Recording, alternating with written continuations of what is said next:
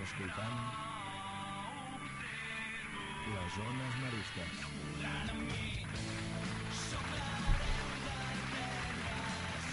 Molt bona tarda, benvinguts a les Zones Maristes, el programa que, com sabeu, us porta tota l'actualitat de l'escola, a més de moltes altres coses, com entrevistes i altres curiositats. Tot seguit repassem els continguts del dia d'avui.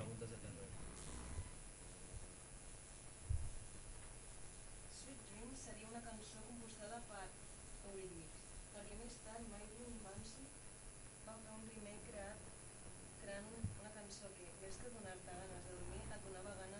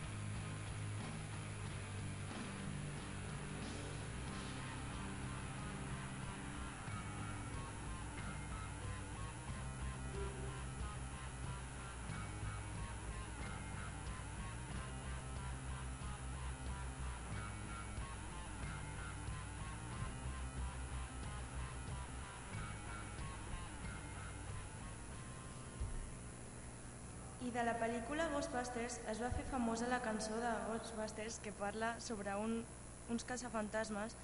La cançó en si no fa molta por, però li dona un toc d'humor a la pel·lícula. I ara mateix la sentirem.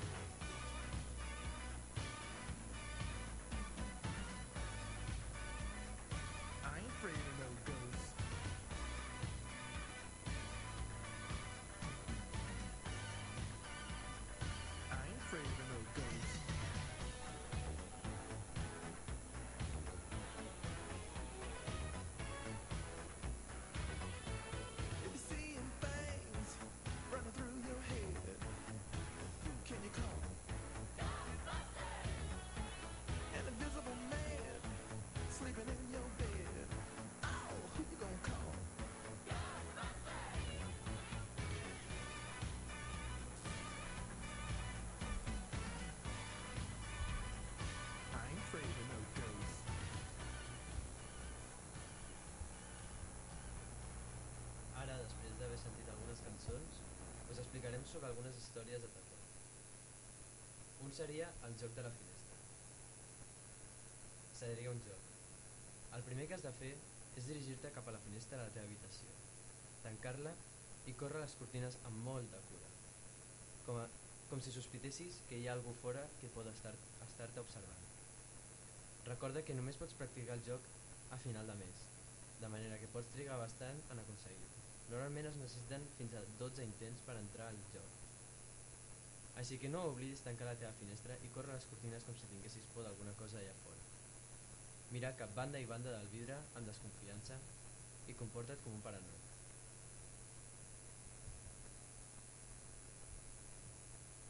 Per començar, fes despertaràs una nit després de- d'escoltar uns cops a la finestra.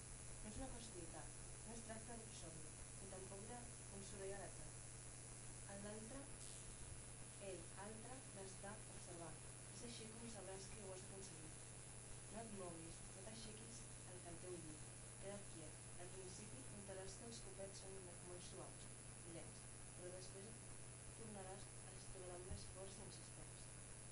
Ell intenta assustar-te. Colpejarà tan fort com que semblarà fins i tot que va trencar el vidre. Per baix com un cap com, com s'activitzarse. És l'única condició que, que ha de pensar que aquestes, que t'estàs, t'estàs dormint. Si no perdràs. Per molt fort que copegi no trencarà el vidre. Ningú escolta embolics ni, ni cops, només tu. Tampoc t'adormis perquè quan el tornem a escoltar el, el torneu a escoltar et despertaràs i obriràs els ulls i llavors hauràs perdut. Haurà un punt en què deixis d'escoltar què toca. No et, deixis no et deixis guanyar, és un parany. Vol que et creguis que ha marxat, però no és així, mai és així. El joc conclou quan surt el sol, només llavors podràs considerar-te fora de perill. Comprovaràs que la teva finestra segueix intacta i que ningú a casa s'ha donat de l'escàndal. I que tens més sort del que pensaves.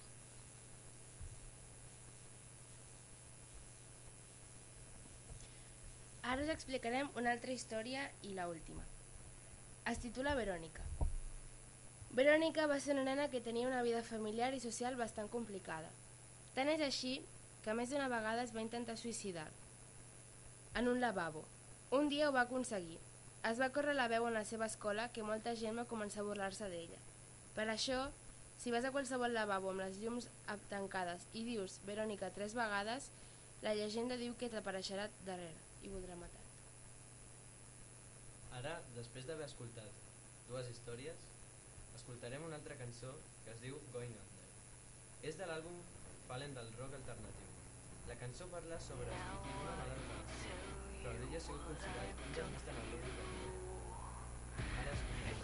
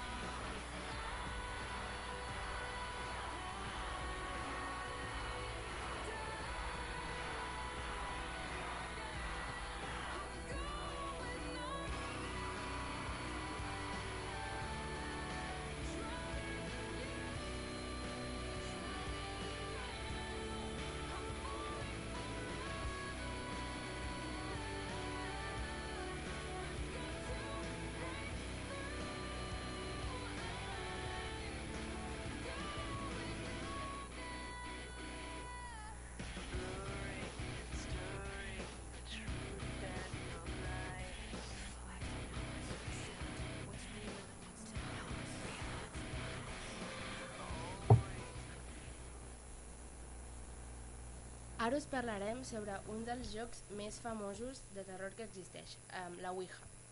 És un joc on et, conne et connectes o aconsegueixes parlar amb alguns esperits. Per poder jugar-hi pots fer servir una taula, una, una taula on hi ha una sèrie de lletres i sí o no, i sortir o tancar, i, o pots fer servir un paper i escriure el mateix. Uh, consisteix en reunir uns amics, o encara que ho pots fer sol, i, i agafar i posar un got sobre la, la taula. Posar els tres als dits i preguntar si hi ha algú allà. Si hi ha algú, um, tècnicament el got es mourà per dir sí, per dir sí. Llavors pots començar a parlar amb l'esperit i pots fer-li preguntes, etc encara que hi ha molts que diuen que és una maledicció o que hi haurà conseqüències, és un joc bastant entretingut i divertit per fer. Un altre joc que us va posar de moda fa poc és el Charlie Charlie, que tractava d'agafar un paper, eh, dividir-lo en quatre amb dues línies i posar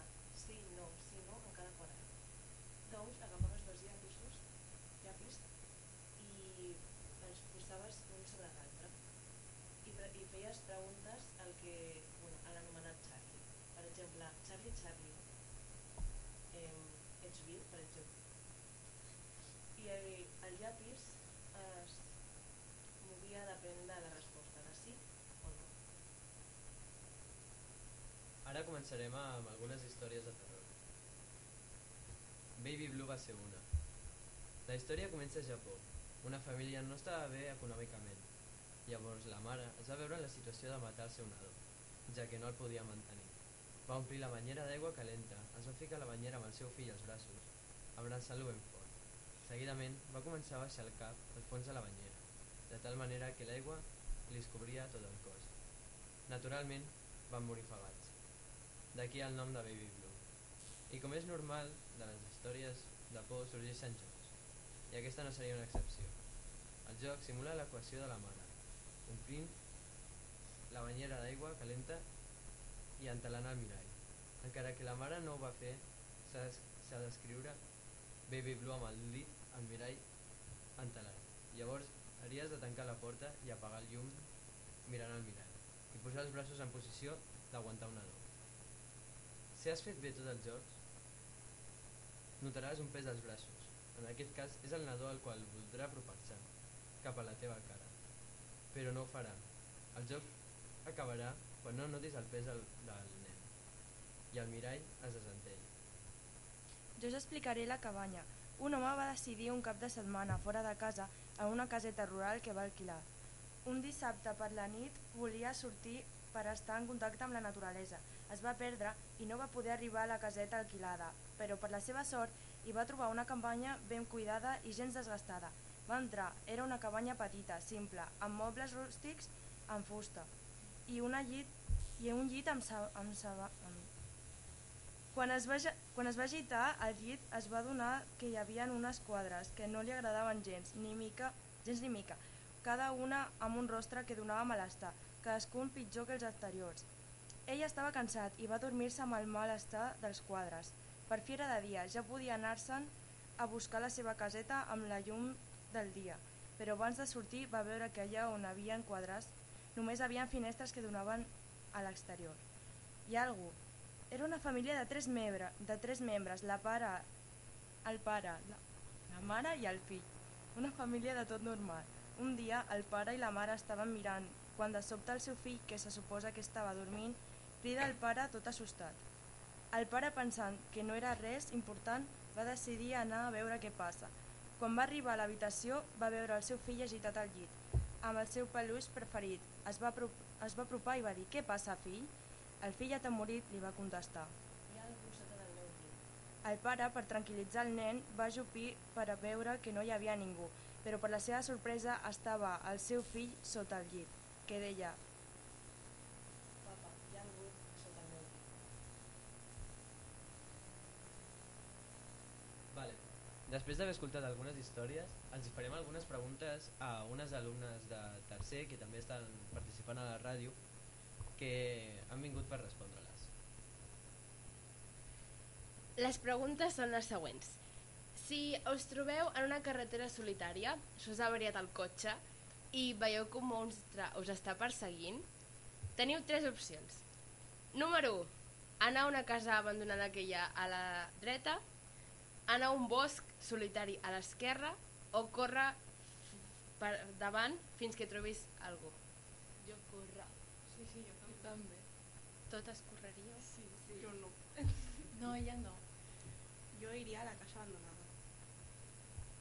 D'acord, doncs ara farem una altra pregunta. Una altra pregunta per les companyes de tercer. Imagineu-vos de, que de sobte el temps es para. Què faríeu?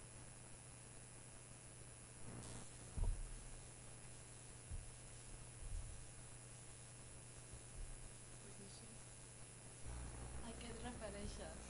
O sigui que un dia vas a l'escola, per exemple, estàs a, cla a classe i de sobte veus que tothom està parat, el tot està parat menys tu.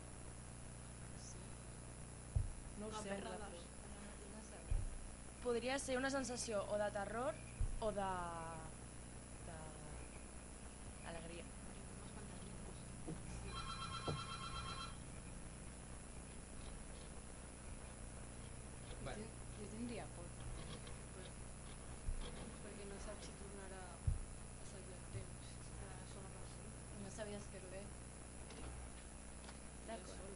Moltes gràcies per contestar preguntes. Ara sí.